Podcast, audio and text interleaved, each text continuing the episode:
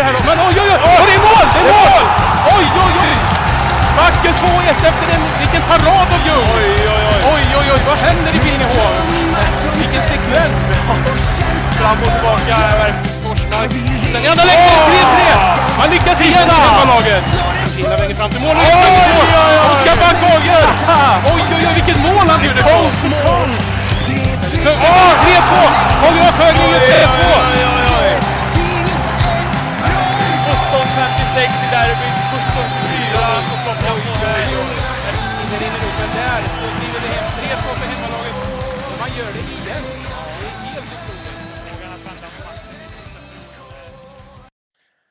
Där så ska ni vara hjärtligt välkomna till SIK-podden återigen för vårt 31 avsnitt här i ordningen.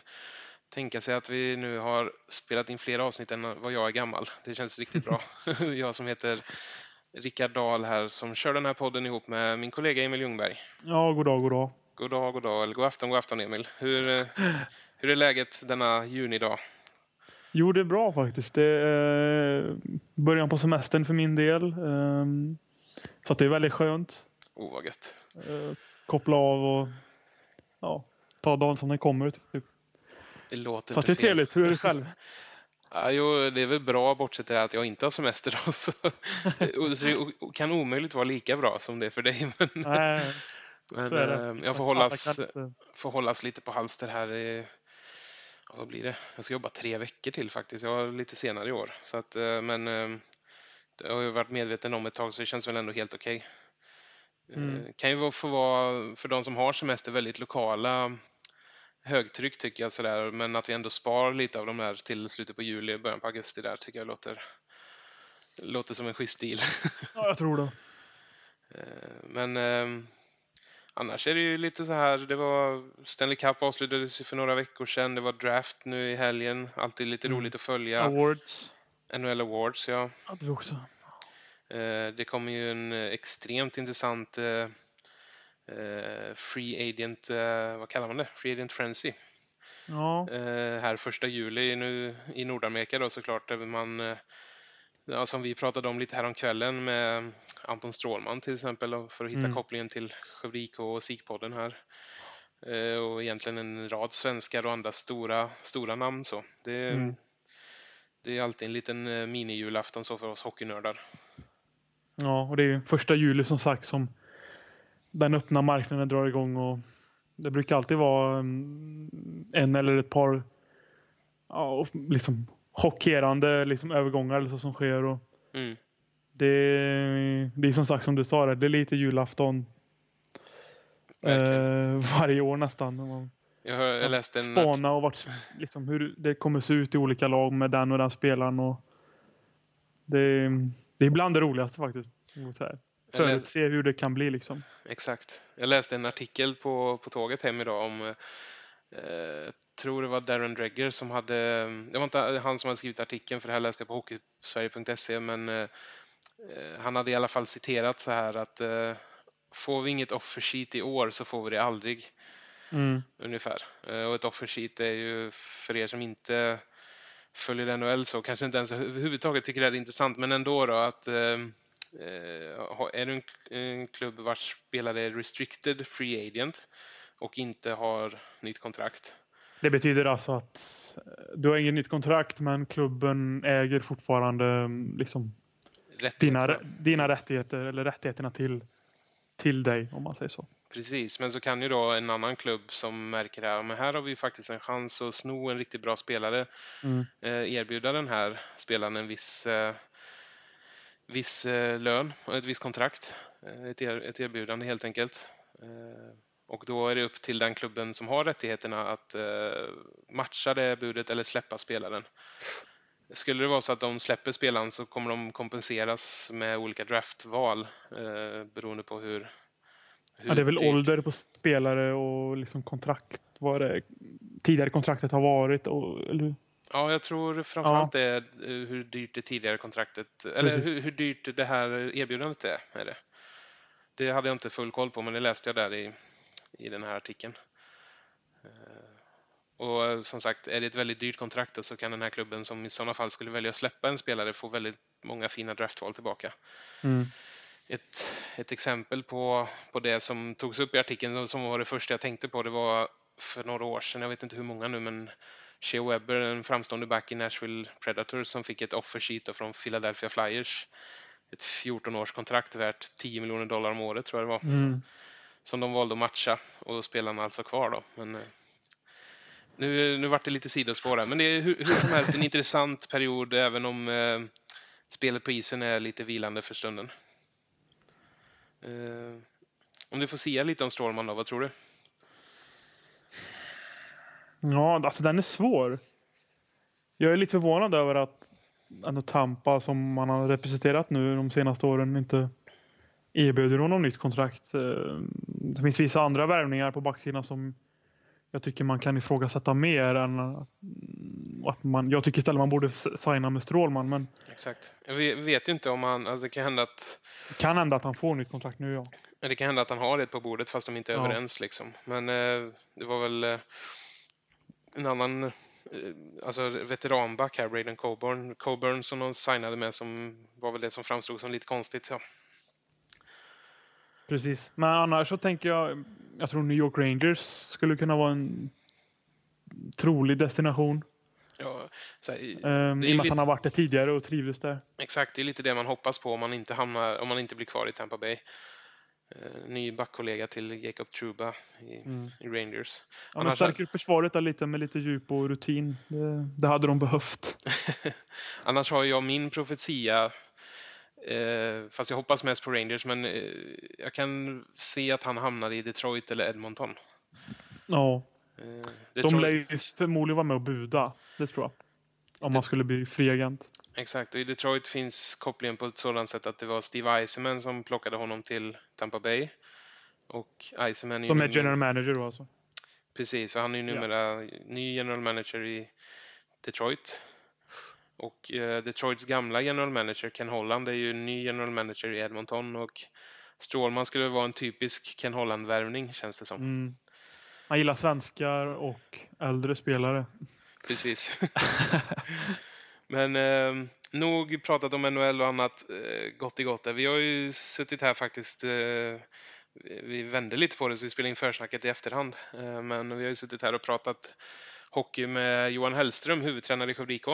Mm. Under en dryg timme som det här samtalet fortlöpte. Eh, väldigt intressant måste jag säga. Ja, jag tyckte det var, var bra, bra snack och eh, tyckte man, eh, ja, men man fick liksom ut någonting av det som, som lyssnare. Att man får Exakt. Liksom, intressanta grejer och få liksom, lyssna på lite hur, hur han ser på gångna säsongen och framtiden bland annat. Precis. Um både i generella ordalag och så lite mer konkreta gällande olika aspekter av spelet och vi pratar givetvis om nyförvärv och sådana saker. Så vi hoppas att den inbitne SIK-supporten ska vara nöjd med detta såklart. Ja, det tror jag. Um,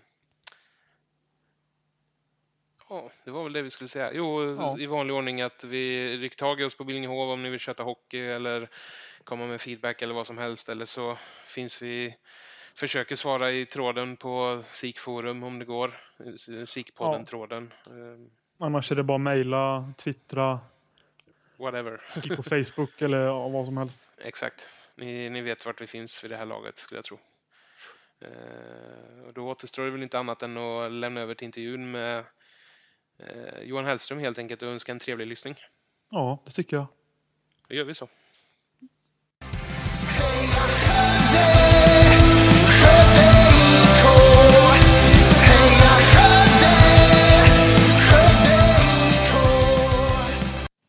Men då får vi ta och välkomna vår nästa gäst till SIK-podden här eh, denna soliga junidag som vi har haft här i Skövde idag. Eh, Johan Hellström, huvudtränare i klubben. Eh, välkommen till SIK-podden. Tack, tack. Hur, eh, hur känns det att vara med här då? Uh, men kul, känns stort. Uh, tog en säsong, men nu får jag vara med. Precis, bättre, bättre ja, Vi har haft dig uppe länge, men har, av olika anledningar så har det väl skjutits lite på det. ja. ja. Bättre sent än aldrig i alla fall. Så. Absolut. Och det som sagt slutet på juni här. Jag såg på Instagram att det var sista träningsveckan nu för, för laget eh, innan, innan det väntar lite eh, semester och lite sommarvila och sådär. Hur, hur är känslan så här mitt i, eller i slutskedet av den här försäsongen då? Uh, men vi har haft en bra uh, barmarksträning. Det är ju Fredrik Söder som är fystränare som har uh, liksom, lagt upp uh, allting. Och killarna har kört på bra. Uh, nu är vi som du säger här inne i sista veckan. Vi kör tester nu onsdag, torsdag. Så ska vi avsluta i skidbacken på fredag. Ehm, sen går killarna på fyra veckors egenträning innan vi samlas återigen. Det låter intressant med avslutning i skidbacken. Får vi se vad, som, vad det innebär då. ja, men det kan bli kul. Det var lite tester och så nu också, eller? Eh, ja, exakt. Imorgon så kommer vi köra konditionstest och det kallas Dana 300. Eh, sen på torsdag så har vi styrketester och det är frivändning, benböj, marklyft och chins. Vad, det här konditionstestet, vad, vad gör man då? Eh, då har du en sträcka på 50 meter. Springer du fram och tillbaka där sex gånger så blir det 300 meter. Okay. Eh, ska du springa fyra sådana lopp och du har två minuters vila mellan varje lopp. Och eh, du ska springa varje lopp på under minuten. Okej, okay, så du... Det låter ganska jobbigt. Ja, men det, det, det tar på krafterna. Ja, jag tänka mig. Ja, just det. Intressant är att man, eh, man, eh, jag är inte jätteinsatt så, men man har hört om eh, BIP och Cooper-test och allt möjligt. Men just den benämningen hade jag inte hört förut. Det, det är intressant faktiskt att få lite mer inblick. Ja, nej, men det, det, har väl kommit mer och mer den här fysträningen och fystesterna nu de senaste åren. BIP och Cooper. Det finns säkert de som springer det fortfarande. Eh, vi har valt en liten annan inriktning eh, som vi anser passar också vår spelstil. Vi, vi kommer få anledning att återkomma till spelstil, så håll det i huvudet lite. Men jag tänkte vi ska inte, dra, vi ska inte gå händelserna i förväg här. Men eh, jag tänkte på de här styrketesterna också. Då. Är det att man, för att säga, klara ett test, är det att man har liksom en individuell nivå som man har satt upp? Eller har ni liksom någon slags standard, något, någon måttstock som man följer? Eller hur, hur går det till? Eh, nej, men eh, det är din kroppsvikt. Så gångrar du det till exempel gånger 1,9 eh, då får du fram eh, en vikt som du ska lyfta till exempel i marklyft. Då. Mm. Men det är olika beroende på vilken övning det är eller hur mycket man ska ja, ta? Jajamän, det är väldigt olika. Jag tror benböj är gånger 1,7 av din vikt och frivändning är 1,2. Eh, så det blir väldigt individuellt det där. Hur, eh, nu ska man ju inte leka med den tanken för det, det, du berättar här att ni har haft en bra försäsong och sådär men ser man inte klara testet då, vad blir eh, vad blir det? Blir det några repressalier då liksom, eller hur, hur kan tankegångarna gå då? Eh, nej, men det, det, kan ju finnas eh, flera olika anledningar också till att man inte klarar någonting. Det kan ju vara skadesituation och eh, lite sådana saker sedan tidigare. Eh, men detta är en målsättning vi har. eh, Att alla spelare ska klara det. Mm. Och det ser väldigt bra ut eh, på de tidigare testerna. Konditionstesterna, här, för ett år sedan när vi körde så mm, kanske det var lite fler än hälften som klarade det. Mm. Nu är det väl nästan till alla. Mm. Så det går ju framåt hela tiden. Ja, det, Men ni kommer köra... Förlåt Rickard, kör. Nej, jag tänker då ni har haft de här testerna, man gör dem flera omgångar då under försäsongen förstår jag. Ja, men det stämmer. Vi kör eh, tre eh, gånger nu under sommartiden och sen kör vi igen när vi samlas åter. Mm. Eh, så kommer vi även köra två gånger under säsong sen och se så att vi inte tappar. Utan vi vill ju hela tiden kunna sätta personbästa. Däremot under vintern är det lite svårt att köra konditionstester så då kommer det bli cykeltest istället. Ja, just det. Du, får, du hade något att inflika där också Emil. Så. Ja, det var precis det jag tänkte fråga om. Liksom, testerna görs igen när ni samlas åter och så får man väl liksom, se hur det ser ut då. Men det, det kom du redan in på det. Mm. Ja, men, nej, men det är väl så. Det är väl något vi har pratat om som vi tagit lärdom av från förra säsongen. Våran ja, fysiska status. Att vi ska jobba hårdare där. Eh, och inte framförallt under säsong där vi ska kunna sätta personbästa även i december. Mm. Hur... Um av de nyförvärven och sånt till exempel, är det många av dem som har varit på plats och kört eller hur, hur har upplägget varit för, för dem hittills? Eh, de får ett schema skickat till sig varje söndag med vår veckoplanering så de har fått träna en stor del på egen hand. Då. Mm. Sen vet de hur våra tester fungerar.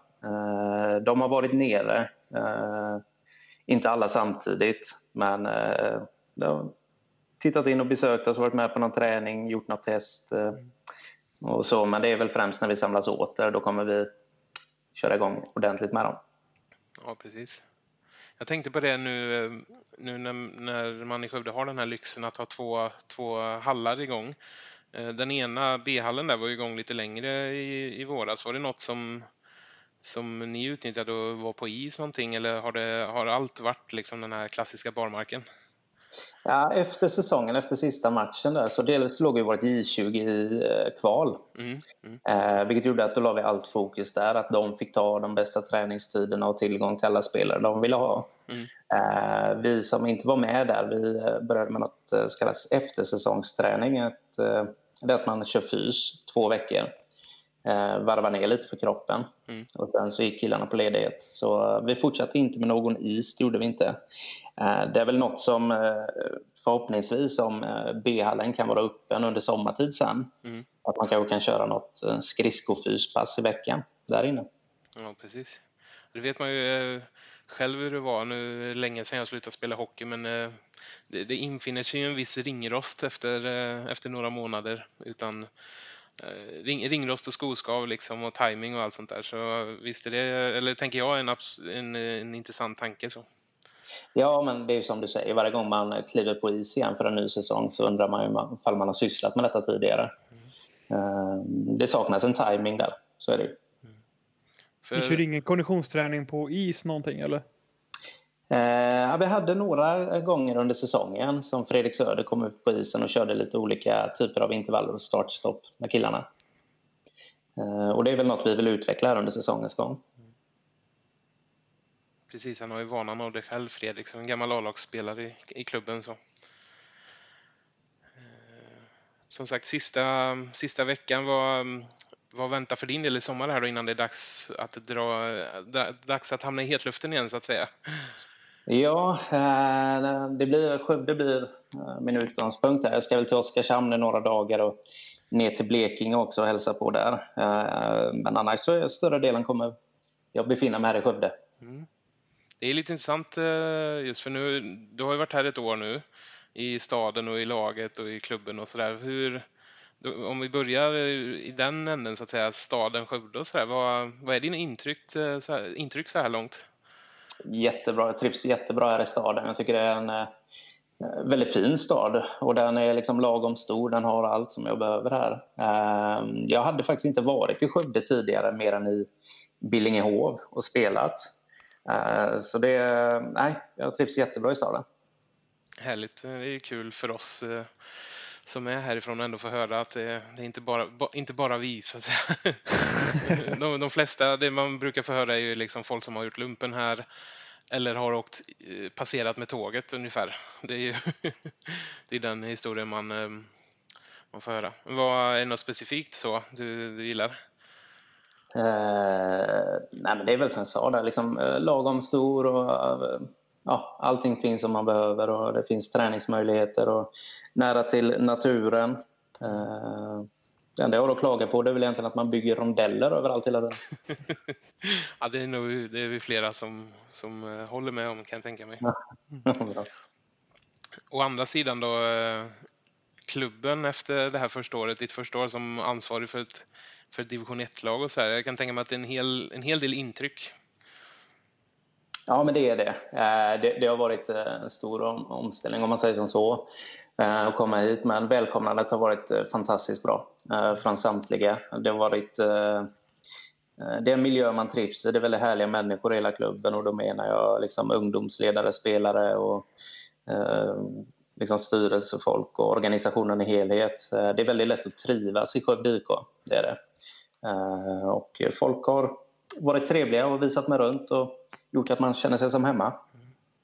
Det är kul just för vi... Ja, verkligen. att man, eh, för det där går ju upp och ner och känns som det ändå några år nästan har varit liksom som lite negativ klang kring klubben. Men det är också min uppfattning att det, det andas positiva vinnare igen.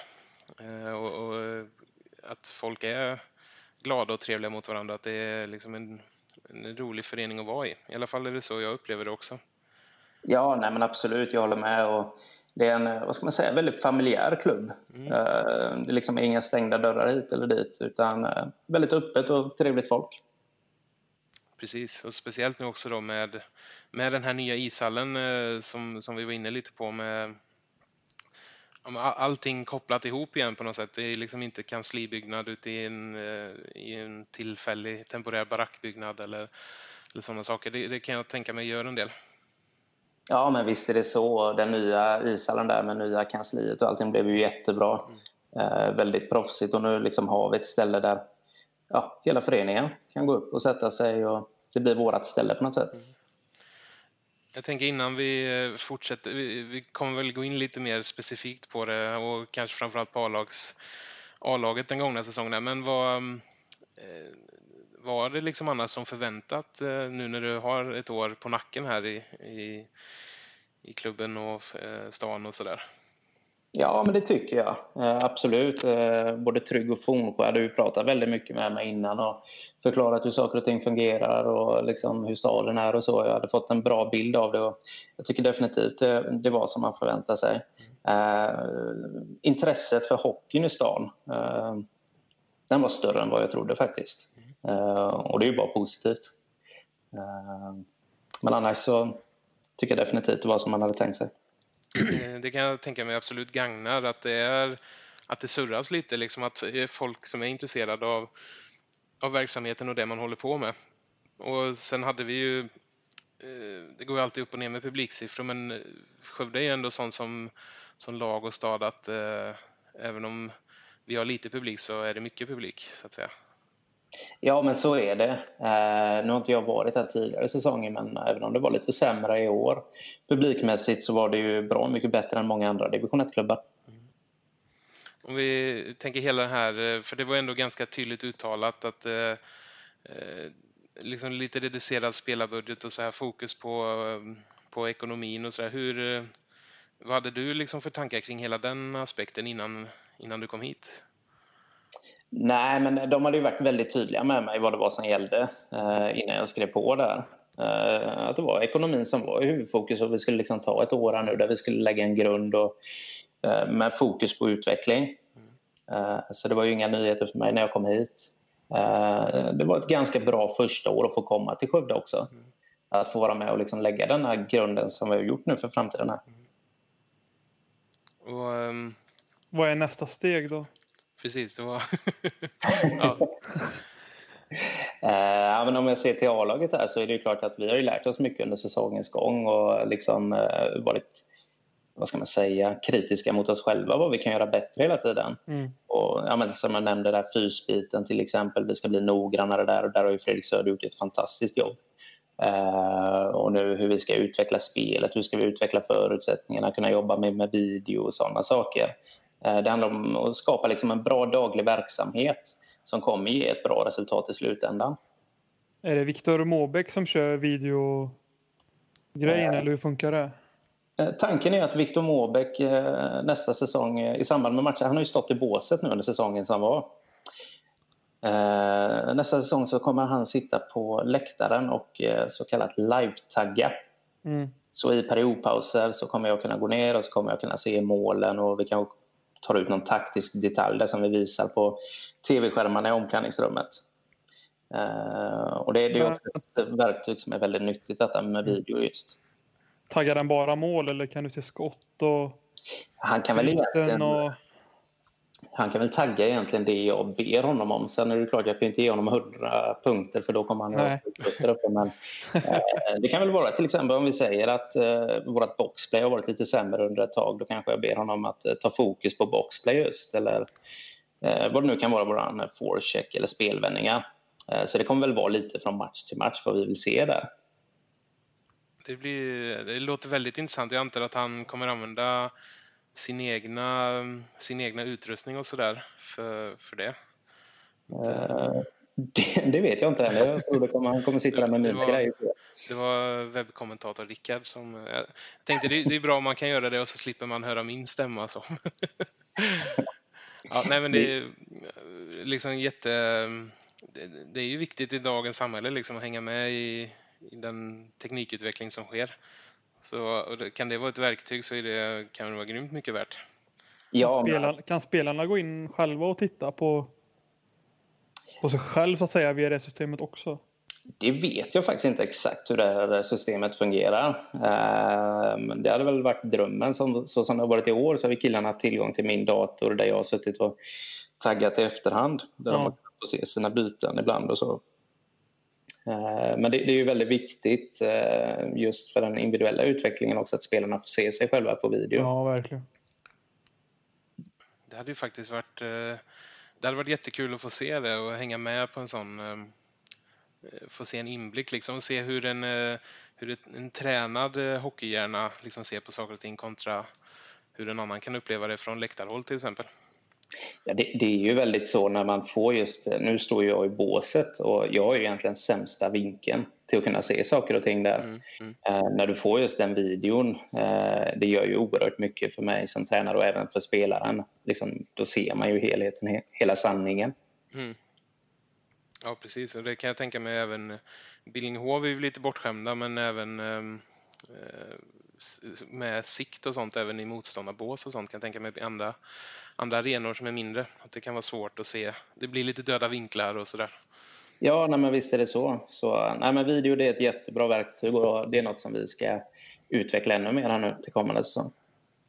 Jättekul att höra. Jag tänkte bara återblicka återigen till den här säsongen då. vi som sagt pratade om du hade förutsättningarna klara för dig och sådär och sen gick ni in i den här säsongen och började ändå ganska bra och sådär. Hur, du kan vi få ta, oss, ta med oss lite i korthet bara så som du upplevde året som det var liksom eh, i, i seriespel då? Ja, det, det var ju en säsong. Det var ju väldigt mycket upp och ner. Eh, det var det. Eh, vi hade en för låg lägstanivå som gjorde att vi förlorade lite tajta matcher stundtals. Vi gjorde väldigt många bra matcher också. Men det är väl just upp och ner som är ordet där. Och vi hade lite skador med mera och vi lyckades inte reda ut det där. Eh, vi fick inte till våra träningar, våra matcher fullt ut. Vi vill ju definitivt vara med i racet mer om allettan där. Jag vet inte hur många poäng det var upp, om det var en 10 poäng eller någonting. Men upp och ner som sagt. Sen var det en del matcher som... Det, det vi har pratat om egentligen det var att vi var lite ineffektiva. Mm. Vi skapade fantastiskt mycket mållägen men vi gjorde inte mål. Liksom. Och det är något vi också tittar på till kommande säsonger hur vi ska attackera mål mer till exempel. Sen var det ju, jag tror vi hade en... Innan jul hade vi sex stycken uddamålsförluster. Mm. Mm. Och det, det var stolpe ut samtidigt som vi behöver vara noggrannare. Eh, i det vi gör ute på banan. Eh, efter jul kommer jag inte riktigt ihåg fullt ut. Det var, vi vann väl kanske hälften av matchen eller någonting. Jag tror det var lite liknande faktiskt. Återigen en ganska bra start. Det, det blev lite turbulent med den här inställda matchen och så men sen ändå en ganska bra start. Men eh, också, för jag delar, delar din uppfattning här liksom att det var eh, toppen var hög men det var lite djupare dalar också. Jag tänker som, som tränare hur det pratas mycket om den mentala aspekten i idrott idag. Hur, hur arbetar man liksom rent, det är en ganska svår fråga där så får ursäkta för det, men liksom hur arbetar man rent konkret med, med den aspekten av spelet liksom? Ja, det är väl klart att när det studsar emot sådär, eh, då försöker man ju inte bara lyfta det negativa och vad vi ska förbättra, utan man måste även hitta de positiva delarna. Mm. Eh, så är det. Även om vi förlorade matcher så gjorde vi bra saker många gånger. Eh, men fick kanske inte fullt ut den utdelningen som vi behövde för att vinna. Eh, men det, det är ju klart, det, det, blir ett mentalt spel, det blir det för vissa, men samtidigt väldigt nyttigt också eh, att få liksom gå igenom en sån berg och dalbana stundtals. Mm. Det, det, utvecklar. Vi, var, vi hade några matcher där som ja, vi vann inte. Det var uddamål på uddamål. Och mm. Till slut så liksom lyckas man knipa någon sån här liten skalp och då vände det. Det tog kanske tre, fyra raka helt mm. plötsligt. Mm. Uh, så så är det. Ja, det är precis. Det är det. är intressant att, att fånga in den känslan som i en liten ask och plocka fram när det liksom eh, behövs åt andra hållet. Liksom. Jag, tycker, ja. jag, kan, jag, kan, tänka mig för din del att det, är rätt så, att det gagnar en hel del också. Man vet ju eh, själv hur det kan vara om man är lite vinnarskalle och sådär. Att bara torska liksom ett sällskapsspel med familjen kan ju, kan ju svida och att då gå in till ett omklädningsrum där det sitter 25 vinnarskallar och ja, liksom är lite buttra så kan jag tänka mig att det är ganska så svårt. Ja, men så är det. Det är ju klart att eh, det tär på kraften. Alla vill ju vinna. Det vill man. Mm. Eh, men när det går emot, liksom, då handlar det om att gå, gå samman som grupp. Och eh, det, det, kan jag faktiskt säga att jag tycker lagsammanhållningen har varit på topp mm. trots när det har gått emot. Liksom. Det har inte varit några eh, grejer inom gruppen eller någonting utan man har gått samman, man har varit positiva och eh, ja, vi, vi ryckte upp oss där ett tag, gjorde vi. Ja, precis. Tänkte på det där du pratade om när det går liksom emot och man gör, försöker göra vad som helst och det funkar inte. Det är ganska mycket det är idrottspsykologi. Det är inget som ni liksom tittar på och försöker ta hjälp utifrån med på något sätt. Men någon form av psykolog på något sätt. Hur man i grupp och som individ kan liksom kanalisera sin kraft och energi och prestera. Uh, nej, men det är väl inget sånt riktigt som vi har haft uppe där. Jag vet inte ifall det är några av spelarna som kanske tar den hjälpen. Det är ju väldigt individuellt det där också. Ja. Uh, vissa gillar det, vissa gillar det inte. Uh, det är inget så vi har reflekterat riktigt. Utan, vi, vi, har sett det som en nyttig lärdom här verkligen. för det, man ska också komma ihåg att när det gick som tyngst, helt plötsligt vände vi på det. Mm. Eh, och jag tror i december månad vann vi fyra av fem matcher. Mm. Uh, och det, det, är också en styrka i sig. Ja, det, det, blir en lämplig övergång här för som sagt det fanns ju, det fanns ju uh, godbitar, ljusglimtar det här året också. Vad, vad, vad liksom, tar du med dig liksom, av det som du tyckte var bra det här året in till, till nästa år? Uh, oj, vad jag tar med mig? Nej, men det är väl just eh, gruppsammanhållningen definitivt. Den tar jag med mig. Den, den var jättebra. Eh, jag tar med mig eh, att vi, vi fick utveckling på vissa delar, kanske inte fullt ut så mycket som man ville. Eh, men där är också en viktig del att man har tålamod med ett sånt här ungt lag kan jag tycka. Mm. Eh, men det tar vi med oss. Det är en väldigt ödmjuk grupp som vill lära sig. Och jag tar med mig just att vi, vi kunde vända när, när det grinade som mest emot. Så då knöt vi näven och körde på. Det, det är någonting som har varit oerhört lärorikt. Nu, eh, den här nya gruppen spelare som det ändå blir, eh, upplever du liksom att den, den kärnan som ändå är kvar har med sig liksom den känslan in fortsatt? Ja, men absolut. Visst upplever jag det. Och jag, liksom, det är ju många spelare och även jag som liksom vad ska man säga, det är en revanschkänsla man har. Mm. Mm. Eh, den finns inom gruppen. Men det finns fortfarande en ödmjukhet och en förståelse över att det är ett jäkla jobb vi behöver lägga ner. Mm.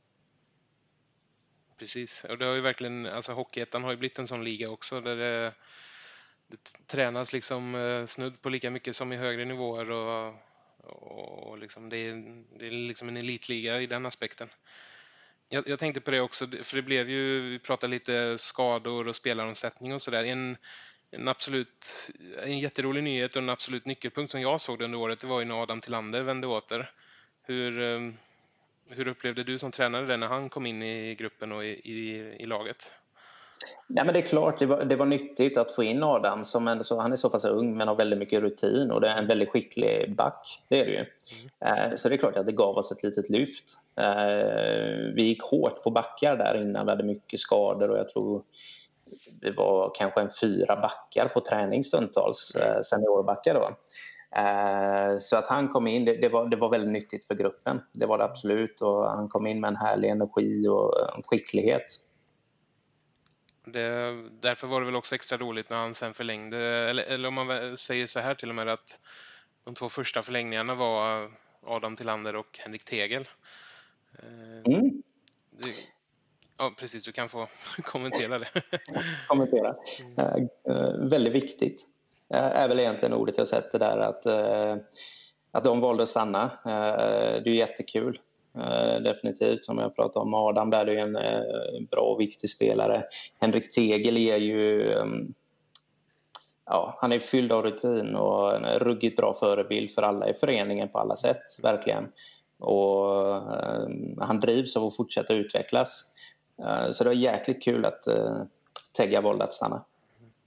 Det är ju för oss i Skövde när Tegel har varit här så har det ju liksom en poängspruta och det har varit liksom målgaranti och kanske mycket av de, många av de viktiga målen också. Men det har ju varit en så här diskussion de senaste åren här, så här center eller ytter, center eller ytter. Hur, hur tänker du som tränare kring, kring hans roll framöver här? Eh, nej men Tegel han är ju så pass skicklig, han kan ju spela på bägge positionerna. Eh, men jag har sett honom som center här under säsongens gång. Mm. Jag tycker han har utvecklat sitt defensiva spel väldigt bra. Han tar bra ansvar i alla zoner och han har en spelförståelse som är bra för hans ytterforwards. Han kan leverera puckar. Mm. Eh, och eh, han har gjort mycket poäng. Jag tror detta var hans poängbästa säsong i Skövde som han gjorde. Ja, precis. Det stämmer.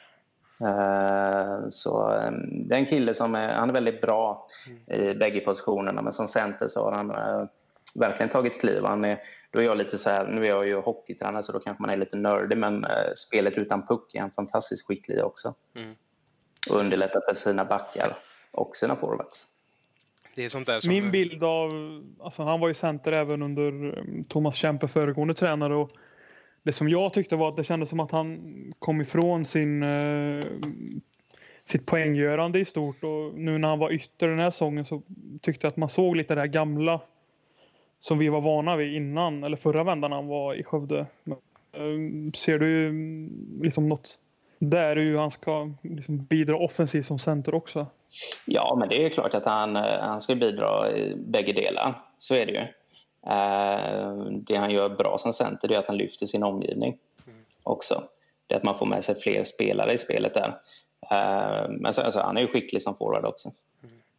Det, det, är ju också en, på tal om defensivt ansvar och sådär, det pratas ju ofta om i, i fans och supportersammanhang sådär i alla fall att man pratar om eh, om eh, rollspelare och att man har liksom box, renodlade boxplay-spelare och man har powerplay-spelare och sådär. Men det är ändå ganska vanligt att det är spelare som används i alla situationer. Hur, eh, hur resonerar ni kring liksom, eh, bemanningen i de här olika spelformerna? Kanske egentligen nu då för året som kommer är väl det mest intressanta. Men om, om man överhuvudtaget har hunnit eh, börja fundera på det. Ja, men det är väl klart man har börjat titta någorlunda på det, vad det är för typ av spelare man har. Sen så är det ju klart att väldigt mycket kan ju också hända nu. Med ett så pass ungt lag, när vi kliver på is, eh, då, det, det händer så oerhört mycket. Eh, förr så var man liksom en defensiv spelare, då räckte det med att knacka lite sarg ut. Mm. Eh, så funkar väl inte dagens hockey riktigt kan jag uppleva det längre, utan nu måste du vara lite skicklig med puck mm. eh, och kunna bidra liksom i alla zoner. Sen är det klart att vissa är effektivare än andra. Mm. Eh, och liksom, I boxplay där vill man ju kunna använda så mycket folk som möjligt. Eh, för, för att spara lite energi också. Precis. Skulle du säga att du vill ha fyra vad säger, kedjor som kan producera eller räcker det med tre och en liksom, checking line eller hur, hur ser du på det? Jag skulle givetvis vilja ha fyra producerande kedjor. Eh, fyra kedjor som liksom kan spela ut efter den spelidén vi har och det, det är ju något vi strävar efter. Eh, och det tycker jag vi sakta men säkert har faktiskt. Eh, vi har killar som kan pilla in pucken men vi har också de som eh, tar det där spelet utan puck, det ansvaret som krävs där. Jag tänkte på det här, nu när vi sitter och pratar om det här, eh, en annan som eh, också är lite hockeynörd, man kan komma på sig själv att man mitt i sommaren så här sitter och funderar på kedjeformationer och sådär. Jag, jag kan tänka mig att det är kanske än mer så för en tränare om man dessutom är lite hockeynörd. Eh, ja, men det är väl klart. Eh, det, det, gör man ju. Eh, man tänker lite olika delar hur man ska formera truppen och så. Det gör man absolut. Mm. Har du eh, liksom redan eh, börjat fundera på till exempel de här spelarna som har kommit in nu, eventuella sammansättningar där eller eh, är det för tidigt att och, och börja liksom... ja, det, det, är väl klart att man, man vill ju se spelarna och även de vi har här nu. Som jag sa, det, det händer så oerhört mycket på en sommar så man vill ju se vad som händer när vi kliver på is. Mm. Eh, men eh, däremot så har vi varit noggranna när vi värvat liksom, vad vi har varit ute efter för typ av spelare mm. som vi anser gruppen behöver. Då. Ja, för det är också en intressant eh, aspekt. Kollar man på det nu så är det ju flertalet nya backar som eh, som de flesta som lyssnar säkert har noterat. Det är en ny forward in. Hur, vad har varit din roll i liksom hela det här? Eller hur mycket delaktig har du varit i arbetet ihop med Anders Lundström till exempel? Eh, nej, men jag har vetat om. Eh, givetvis, det Anders gör det är att han, han sitter i om man säger så, förhandlingarna just mm. eh, med spelare och agenter. Mm. Men eh, jag har vetat om en sån som eh, Ström till exempel var ju en kille som eh, vi fick upp ögonen för förra säsongen. När, vi, när vi mötte honom. Mm. och vi ansåg att det, det, var en viktig del och det är en spännande och utvecklingsbar kille. Mm. så på den vägen är det. Man är, jag är insatt. Har du, är det liksom på en sån nivå också att du har, alltså träffar du dem i liksom eh, innan dess att de har skrivit på och de är på besök och sådär också? Eh, vissa har varit på besök. Eh, vissa har man eh, pratat med via telefon. Mm. Och lite hur man ser på hockeyn. Och sen kollar man ju mycket video givetvis. Eh, där man liksom ser spelaren, hur han har agerat på isen, vad han kan utveckla, vad han kan tillföra. Liksom, och mm. Sådana saker. Så det är en väldigt noggrann process. Är det. Sen är det klart att en sån kille som Max Kardevall visste vi ju, i och med att han har ju varit inlånad. Ja, så det vet vi vad vi får. Om man tänker... Um, det är alltid svårt att jämföra liksom från år till år, och så men de, de eh, elementen som de här nya spelarna, eh, vi, vi, kommer komma in på dem lite senare sen också, men vad, vad känner du liksom är det som de kommer tillföra liksom den här eh, av det som kanske saknades förra året till exempel? Eh, det vi ser i dessa värvningar det är en puckskicklighet och eh, det är en eh, bestämdhet i spelet utan puck också. Mm. Det finns bra med erfarenhet. Bok till exempel var över och spelade i USA, eller Kanada var det NAHL. Mm. Heter den ligan där. Och nyttig erfarenhet där och Max kommer ju till exempel från HV71, fått en bra skolning. Eh, Brandhammar är en kille som har varit med på hög nivå. Mm. Eh, och Tom Olsson då eh, hade ju en väldigt fin säsong i Surahammar. Mm. Så det, det, är väl just detta att det är puckskickliga killar. Bra skridskoåkare. Och de har en tydlig ambition också, vad de vill med sin hockey. Så en sån som Tom Olsson till exempel, var det också en spelare ni, ni liksom noterade under under den gångna säsongen?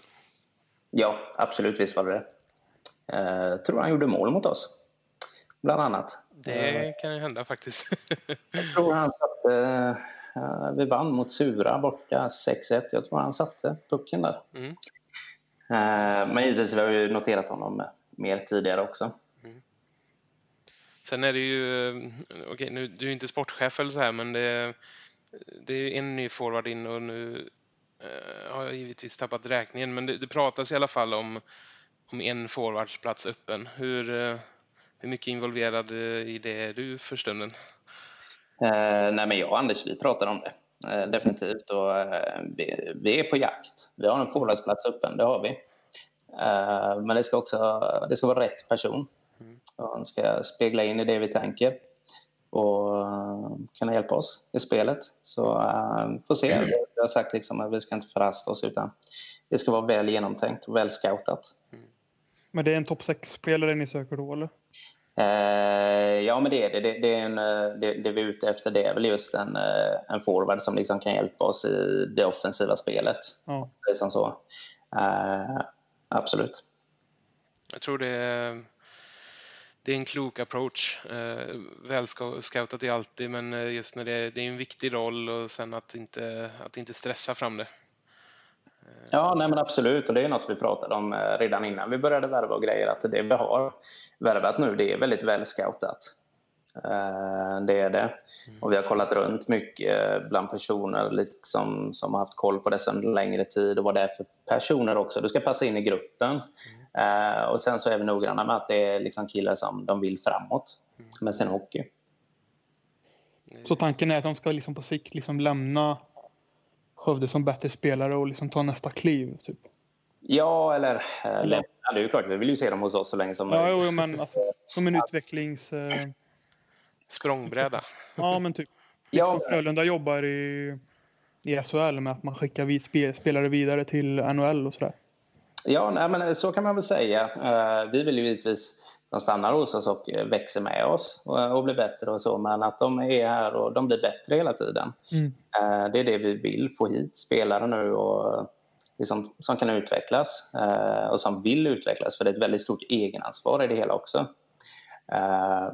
och det är något som vi har pratat om att här i Skövde, ska man, där ska man utvecklas. Jag kan tänka mig för din del också som har den här erfarenheten inom, inom juniorhockeyn efter flera år i Oskarshamn då, bland annat. Och, eh, och nu, för bortsett att ha din A-lagstränartjänst här så är du involverad i hockeygymnasiet och har ju även varit på Raoul Wallenberg om jag har förstått det rätt. Mm. Hur, eh, jag antar att det är något du brinner för just och, få chansen att ha det då från hockeyhögstadiet som det är då hela vägen upp till till seniorer. Även om de inte är så gamla seniorerna så är det ändå seniornivå. Ja, men absolut. Nej, men det är klart man brinner för utveckling, så är det ju. Och jag tror ju stenhårt på det också, att har du ett lag och gör varje individ bättre, då blir väl laget bättre. Mm. Uh, och, uh, men det, det, är ju jättekul att jobba med det inom klubben, givetvis uh, högstadiehockey och hockeygymnasiet också. Hur, för det, blir mycket alltså A-lagsfokus och sådär, men hur du som ändå har lite erfarenhet kring det, när du kom in liksom i, kanske framförallt i hockeygymnasiet, vad upplevde du, även om inte hockeygymnasiet enbart är Skövde då såklart, men hur upplevde du, kanske inte nivån så här, men vilka ingredienser kände du du skulle vilja tillföra här för att det skulle bli bättre liksom?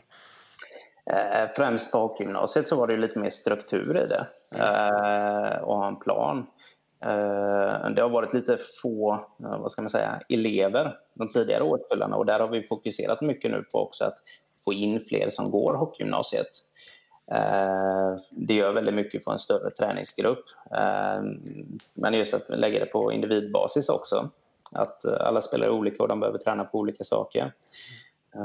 Nytt till kommande säsong också det är att här i Skövde så har de senaste säsongerna i alla fall så har de bara gått hockeygymnasiet i två år till kommande säsong så har vi även tredje året möjlighet eh, för eleven att eh, välja att gå hockey då två gånger i veckan. Det är riktigt bra. Mm, ja, verkligen. För då är det så att de har haft möjligheten då år ett och två på gymnasiet men inte tredje året? Ja, jajamän. Så är det. Och nu, så nu blir det ett tredje år. Det, det kommer hjälpa juniorerna väldigt mycket. Ja, spontant känns det som en, som en riktig nyckel just att det, bör ju göra hela gymnasieupplägget mer attraktivt också, att, eh, att den valmöjligheten finns. Ja, men så, så blir det. Eh, absolut. Jag menar, har inte vi kunnat erbjuda alla tre år, då kanske det har varit bättre att gå på andra ställen. Exakt. Nu är vi med i racet här liksom. Och vi har ett stort intag i år, tror jag. Nu tror jag här, vi hade var det 16 elever på hockeygymnasiet sammanlagt. Mm. Eh, nästa säsong så kommer vi nog hamna på 25. Det är ju jättebra. Är det, mm. är det liksom mycket folk utifrån då eller är det mest eh, alltså, lokala, lokala förmågor? Eh, mestadels är det eh, lokalt, det är det. Men det kommer även komma något inslag utifrån här.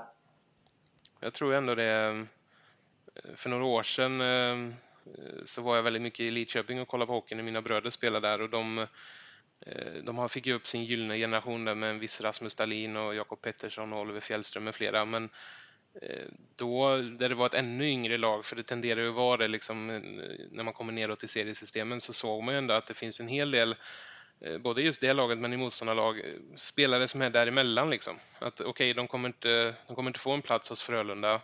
De kommer kanske inte landa på ett SHL-hockeygymnasium men fortfarande bättre än att kanske fortsätta vara kvar och spela division 3 om du förstår vad jag menar. Att det finns ja. det här mellanskiktet som man verkligen kan hitta guldkorn. Ja, men absolut, visst är det så. Jag tycker väldigt många är väldigt tidiga i att döma mm. eh, spelare. Liksom. Eh, men det händer ju så fantastiskt mycket i åldern 16 till 20.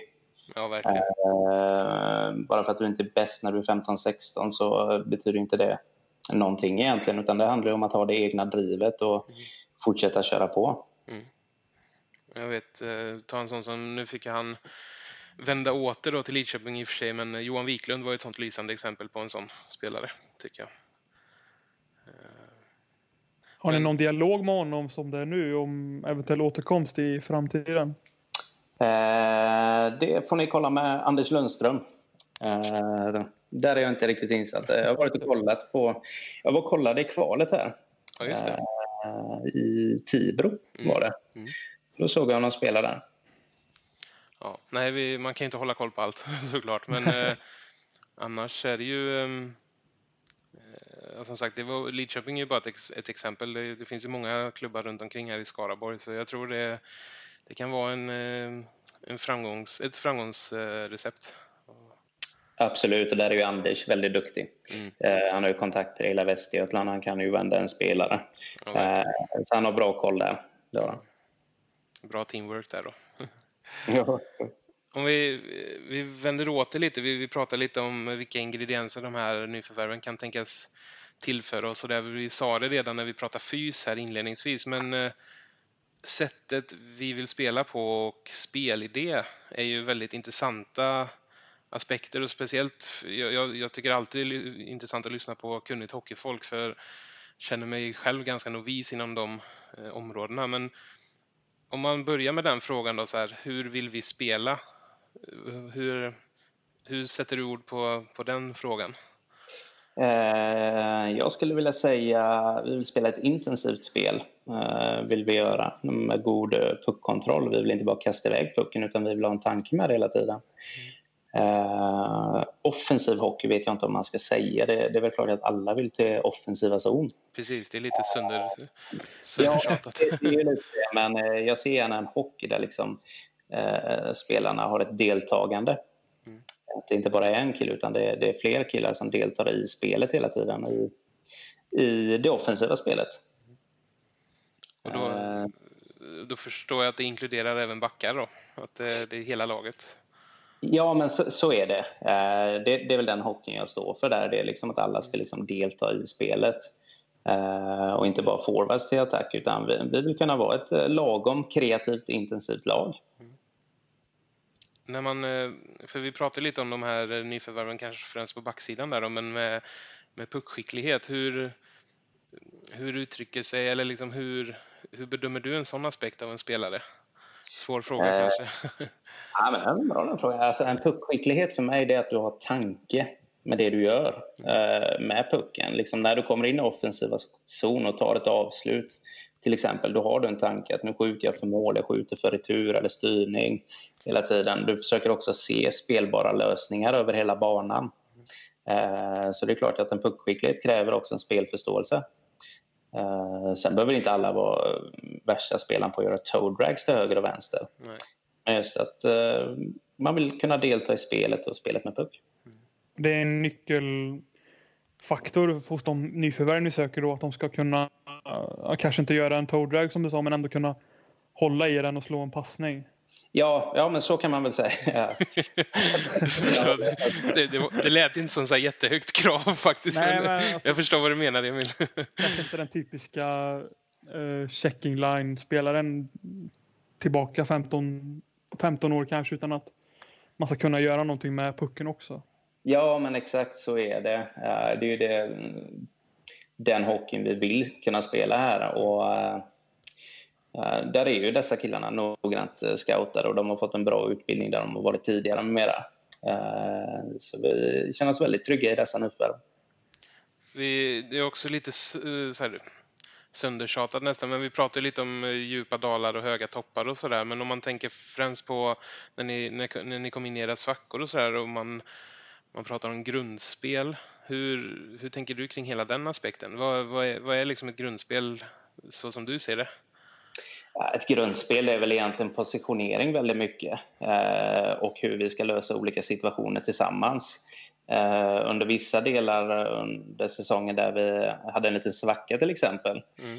eh, då började det kanske i egna zon när vi skulle spela oss ur och det är ju inte alltid puckförarens fel utan det kan ju varit den andra polaren som inte infann sig på rätt positionering. Om man har inga alternativ. Nej, men exakt. Och det handlar Mm. mycket om att hjälpa varandra ute på banan och skapa alternativ för varandra. Ehm, Så det är väl ett grundspel där, en tydlighet kring vad vi vill i alla tre zoner egentligen. Hur, eh, jag tänker som sagt i, i matcher och över tid, eh, alltså över, över en serie, så här, hur, hur liksom flexibel eller agil är man liksom med, med att ändra sina koncept? Eller hur, eh, nu såklart folk är olika, men hur, hur är du gällande en sån, en sån del? Eh, ja, men det är klart att det handlar ju till viss del om att man måste anpassa sig lite ut efter vad man har för material. Eh, som tränare så är det ju. Samtidigt inte släppa allt för mycket på det utan sakta men säkert tvinga oss åt det hållet och utbilda killarna också och lära dem mm. hur vi ska lösa olika situationer där. Så är det ju. Men ibland funkar inte vissa saker, då måste man se över det. Och mm, så är det ju. Man måste ju vara öppen också. Men kanske inte allt för mycket utan fortfarande tro på det vi ska göra. Precis, så det, kan inte, det är liksom inte så här att om man eh, man pratar om att scouta motståndare och sådär. Det är inte så att man eh, när man möter ett lag går in och kör man-man-försvar och i den andra matchen så kanske man kör mer zon eller? Nej, eh, när vi scoutar en motståndare då, då, sitter jag och kollar deras tre senaste matcher ungefär. Mm. Eh, och så kan man ta en titt, liksom, hur agerar de när de vinner puck i egna zon och eh, hur, ja, deras spelvändningar, hur funkar det? Och ser man någon liten grej där då kan man ju säga till, ge en liten hint till det att vi kanske ska backa av i detta läget och fånga in spelare där borta istället. Så, mm. Men vi gör ju inga större förändringar, att vi byter hela vårt spelsystem utan det är väl mer olika situationer bara hur vi ska mm. tänka. Hur, eh... Kan man säga så att mm, ni vill att motståndarna ska anpassa sig efter er och inte tvärtom? Ja, men det, så är det ju. Det är klart att det är ju drömmen. Att tvinga dem och försöka tvingas ändra på grejer. Eh, ja, men så är det ju. Det är ju drömmen för alla lag egentligen att man vill att motståndaren hela tiden ska försöka anpassa sig. Eh, så, så är det ju. Vi tror ju på det vi gör och vi tror att det kommer bli väldigt bra på sikt också. Eh, men samtidigt ska man ju vara ödmjuka och se på motståndarna också. Vissa delar kan man fånga upp. Precis. Nu hade jag... Ja, det är väl en fin linje det där med liksom, att inte ändra för mycket men samtidigt ändå kunna respektera vissa saker som motståndarna gör och kunna se upp för det. Ja, men exakt. Det är en, det är en väldigt fin linje i det hela. Jag tänkte en annan eh, rätt intressant aspekt är ju det här med, med forecheck och backcheck. Hur, för det finns det ju också lite olika, eh, vad ska man säga, olika sätt att lägga upp det på. Är det något, eh, om man eh, knyter samman det till eh, nu tappar jag tråden lite här. Men, eh, eh, hur ser du på forecheck backcheck? Vi kan börja så, så får vi se om jag lyckas knyta ihop det här. Uh, men det är väl väldigt enkelt. Backchecka, det ska alla. Mm. Det är inget om den saken. Liksom. Sen har vi ju olika system givetvis och hur vi vill att gubbarna går med mera mm. eh, ute på banan. Eh, det handlar också om eh, väldigt mycket i försvarsarbetet, så handlar ju, eller vad säger man, försvarsarbetet från offensiva zon så handlar det om mycket om backarna. Mm. Hur de agerar i vissa, vissa situationer också eh, som kommer underlätta för forwards i deras backcheck. Eh, vad det gäller forecheck så där är vi också tydliga med vad vi vill. Och där, där har vi väl eh, lärt oss väldigt mycket under säsongens gång. Det är väl främst där det känns den fysiska biten nu som har blivit bättre hos killarna. Att eh, det kommer bli det kommer bli en roligare forecheck om man säger som så. Hur ser den ut då? Kan du beskriva hur den ser ut? Är det två höga och en som ligger i mitten eller hur? Uh... Eller säger man två låga och en hög? Eh, man kan köra på olika sätt. 2-1-2 kan man köra och ja, kan en gubbe går, en stänger sarg, en tredje högt. Eh, det är väldigt varierat. Jag tänker väl inte säga allt för mycket om man säger. Nej, förstår. Spoila eller avslöja allt här nu. Mitt. Ja, lägga upp hela spelboken. Alltså, Precis. Eh, det finns olika modeller och vi, vi, tror vi har, eller vi vet, vi har hittat en modell som passar oss och nu när vi har lagt ner denna sommarträningen här, liksom, all den fokusen och killarna har tagit bra steg i utvecklingen så kommer det gynna oss i vårt spel. Mm. En annan eh, sak som vi pratade om det var ju det här med effektiviteten också. Det, jag är lite nyfiken på det hur... Eh, för jag förstår att det, det är sånt man, eh, man blandar in alltså teknikträning och skottträning och sånt under ordinarie liksom, träningstillfällen under året. Men var det något ni pratade liksom konkret kring när man kände att det liksom låste sig lite i, i liksom målgörandet och sådär?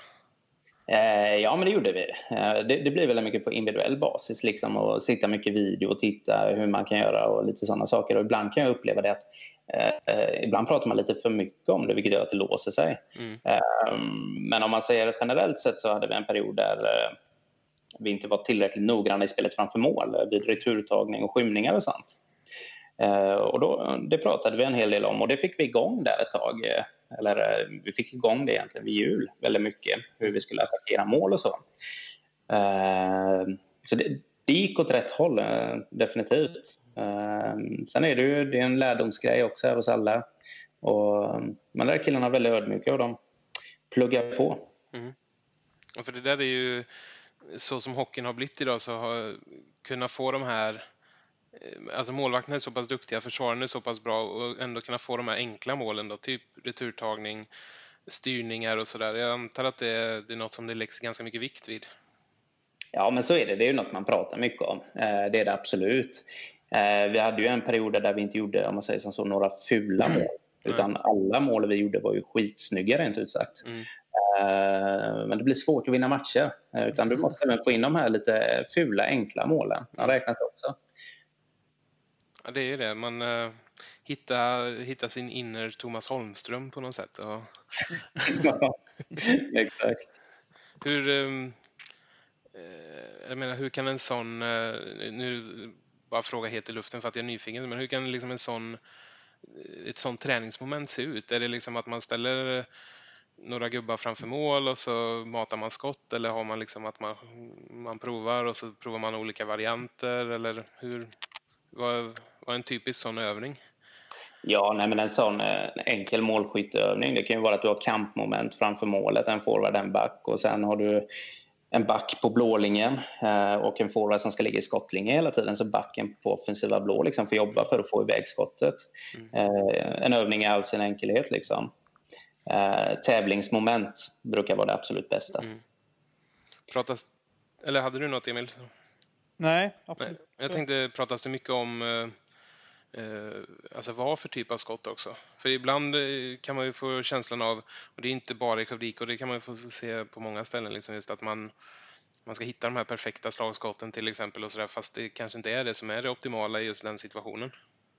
Nej, men det är väl klart att det, det pratar man väldigt mycket om. Eh, det gör man. Eh, och det, det tycker jag är väl bättre och bättre under säsongens gång liksom, och valde vad för typ av avslut vi skulle ta. Eh, det, det är en ack viktig del. Jag menar, allt behöver inte vara stenhårt. Utan ibland räcker det med att bara träffa målet. Mm. Precis, det behöver inte vara svårare. Liksom. Vi, det pratas ju mycket mer spelet med puck då, men spelet, eh, eh, spelet utan puck och sådär. Hur, hur går resonemanget kring det, just närkampsspelet och sådär? Hur, hur kan... Eh, hur konkretiserar man en sån del av det hela?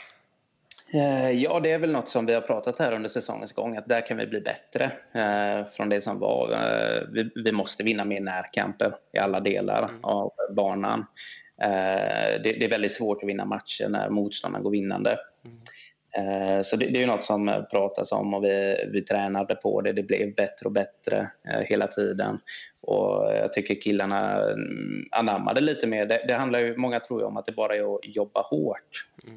Mm. Men du kan ju attackera situationer på olika sätt också. Hur du lägger klubba och din tyngdpunkt med mera sådana saker. För att underlätta.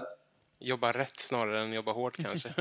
ja, nej, men det, det, är ju givetvis hockey en kampsport. Och det, självklart behöver man jobba hårt. Eh, men jobba också smart och rätt. Eh, det handlar om att hitta en fin linje där och kunna göra alla delarna. Precis. Det är ju det är sånt, när en sån aspekt funkar som det verkligen kan sticka ut också. Jag vet, jag kommer inte ihåg vilken match det var nu, men det var, det var en match jag noterade just Adam Tillander. Någon av hans första när man... Han hade den här auran kring sig att han, han förlorade inte en närkamp. Och då eh, kändes det lite skitsamma vad han bidrog med rent poängmässigt eller så i den matchen för han hade verkligen ändå uppfyllt, uppfyllt kvoten för den omgången om man säger så.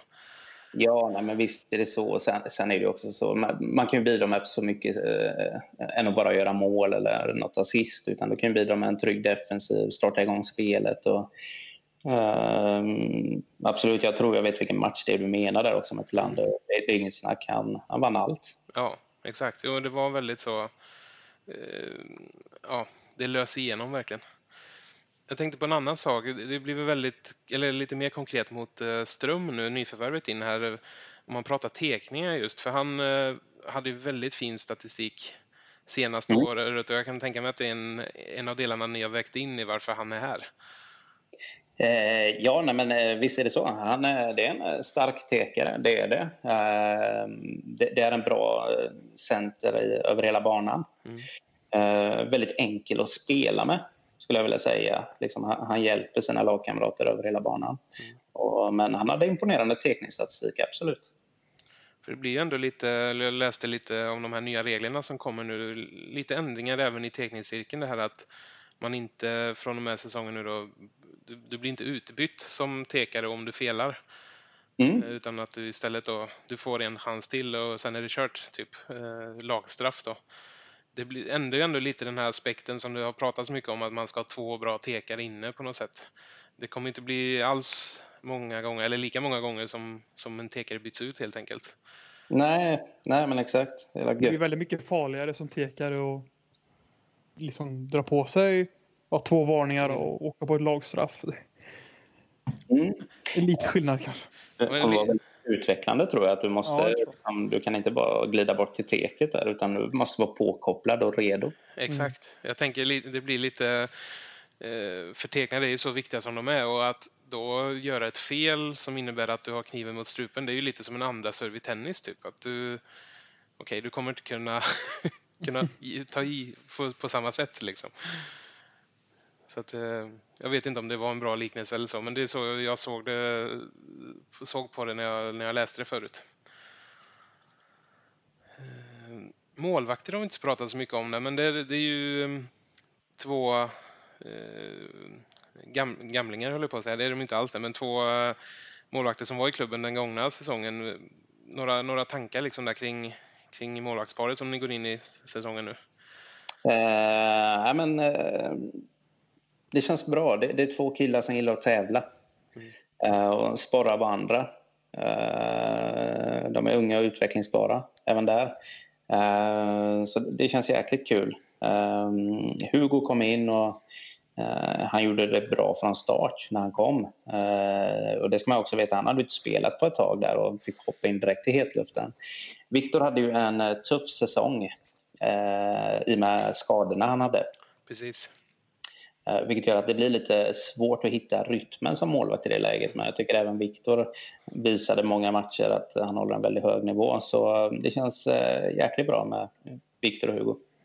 Jag kan bara, bara instämma. Återigen, det är mycket att man sitter och håller med, men det, är det liksom en...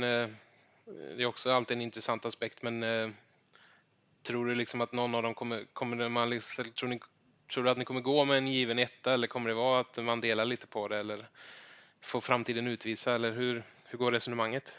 Nej, men det är tävling. Det är tävling om platsen, så mm. är det. Uh, så är det. Och det är ju två tävlingsinriktade killar. Sen är det klart att det kommer gå upp och ner. Eh, så är det alltid under en säsong. Mm. Eh, men det är tävling om att stå. Hur går snacket inför en match när ni tar ut en målvakt? Är det du och Viktor som liksom pratar lite sinsemellan och ja, så tar ni beslutet ihop, eller hur? Eh, ja, men så har det varit en hel del under säsongen. Jag tycker det är viktigt att liksom Eh, jag bollar, givetvis det är jag som tar ut målvakten. Ja. Det, men jag bollar givetvis med Viktor väldigt mycket kring olika frågor och så. Eh, och vad han tycker och hur killarna ser ut med mera. Sen så tar jag ett beslut därefter. Eh, så är det. Så ja, Viktor han, han tar inte beslutet. Han, däremot får man alltid tips och råd mm. kring hur det ser ut. Jag tror vi kan, eh, vi kan nog sitta och ställa detaljfrågor hela kvällen så, men... Eh, ja, men det är sånt där som är intressant. det är bara att ställa på. Ja, även om det är mitt i, mitt i sommaren så är det verkligen det. Men eh, jag tänkte väl lite om man börjar... Eh, vi, om man blickar lite mer framåt, det som är en månad bort ungefär. Det, det blir ju uppstart här då i början på augusti. Hur, eh, hur blir själva upplägget de första veckorna när det, när det är igång igen där? Eh, första veckan när vi samlas så är det, då är det eh, fys. Då är det tester och kör någon lagaktivitet. Vi ska sticka iväg och spela någon paddelturnering i tanken också. Mm. Eh, andra veckan kliver vi på is. Och då är det full gång och då, är det liksom, då ska vi sätta grundspelet. Det är lagfoto och det är, vad det nu är. Ja, det är match ganska tidigt också mot Boys där den 14. Mm, precis. Eh, så det, det är full, full fart från första början. Och det blir ju här, eh, se om jag räknar rätt, är det åtta träningsmatcher det var sagt nu? Precis, tre i kuppen där och så blir det tre, tre matcher före kuppen och så den här kuppen i Mariestad och så två efter då om jag räknar rätt. Du... Ja, det är, har inte jag schemat framför mig. Vi skulle ha mött eh, Hammarby, men den uh, utgår. Okej, okay, även Hammarby på hemmaplan eller? Eh, Hammarby på hemmaplan kommer vi inte att spela. Det. Eh, det, och det har med att göra att vi skulle spelat den eh, dagen innan seriepremiären blev det. Seriepremiären ligger lite tidigare nu. Just det, det var så det var. Ja, det är klart, det är inget, det är inget jätteklokt val kanske. Så. Nej, ja. det som tillkommer det är vi möter Grästorp borta på tisdagen samma vecka som serien börjar. Okej, okay, så det blir åtta matcher totalt sett då? Ja, men det blir det väl. Ja. Är det är det du som har satt schemat här eller vem, eh, vem är det som har ansvaret för det? Är det, är det ofta huvudtränaren som gör det? Ja, nej, men det, det, är givetvis eh, det är jag som ansvarar för det. Sen är ju Anders med givetvis och hjälper till och roddar och fixar lite här. Han eh, hade ju kontakten angående kuppen till exempel där. Mm, precis. Och då innebär ju det serien drar igång den 15 då alltså. Det är ju, ehm, det är ju som sagt en tidig premiär. Det blir en, en månad igång ungefär, eller en dryg månad och sen är det liksom sen är det skarpt läge. Ja, exakt. Vi kliver på isen 5 augusti så eh, då gäller det att mm. sätta grejerna direkt och vara noggranna i det vi gör. Precis. Vi, ehm, får väl se till, vi som har lite ansvar kring sociala medier och sådär, kabla ut när det är först, dags för första ispass och sådär. Även om man eh, för egen del kommer det vara mitt i semestern, men jag kommer nog vara jättesugen på, på att åka till Billingehov i alla fall. Det, det brukar vara så. Jag hoppas givetvis att de som lyssnar på oss här också har, har den känslan. finns väl inte så mycket bättre egentligen när det är varmt ute och få gå in och sätta sig en kall ishall en timme. Det är ju helt perfekt. Helt, ja, jag instämmer. verkligen. Det är, det är väldigt skönt faktiskt att slippa den här värmen ett tag bara. Mm. Ja, det, är, det, är faktiskt en klockren aktivitet.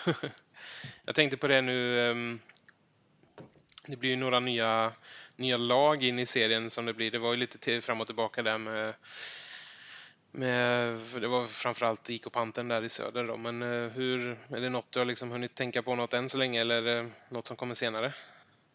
Eh, nej, men det är väl inget vi direkt eh, så. Det är ska vi säga, Eskilstuna-Linden heter de va? Eh, och eh, Nyköping. Nu bytte de namn va? Ja, jag, vet, jag hörde rykten om det, men jag vet inte om det var spikat. Men jag, jag tror det, att de bytte namn igen.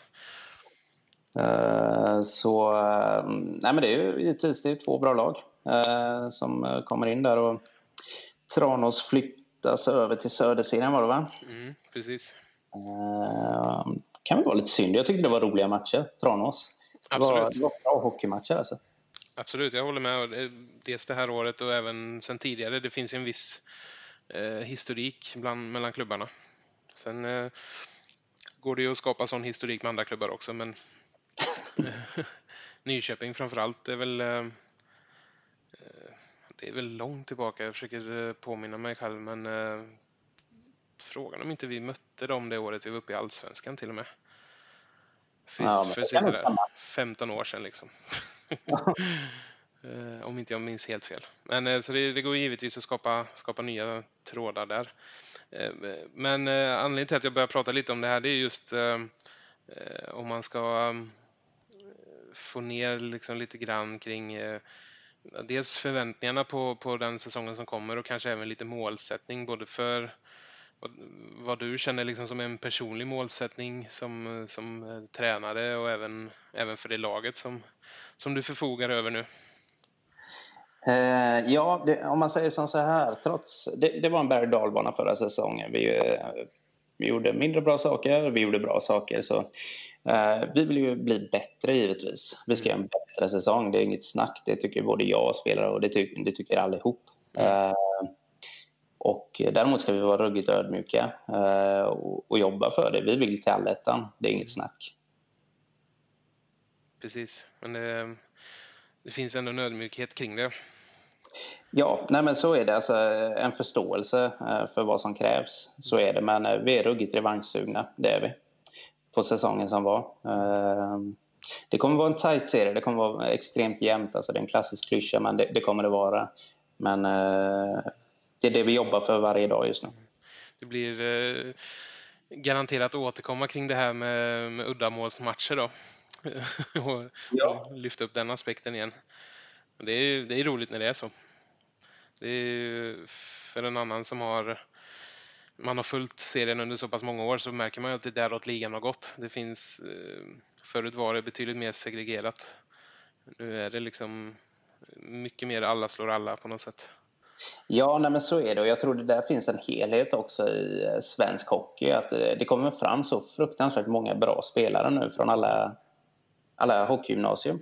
Mm. Och eh, alla kan inte få plats på samma ställe utan det blir mer utspritt. Och, eh, det finns inga enkla matcher, det lärde vi oss denna säsongen.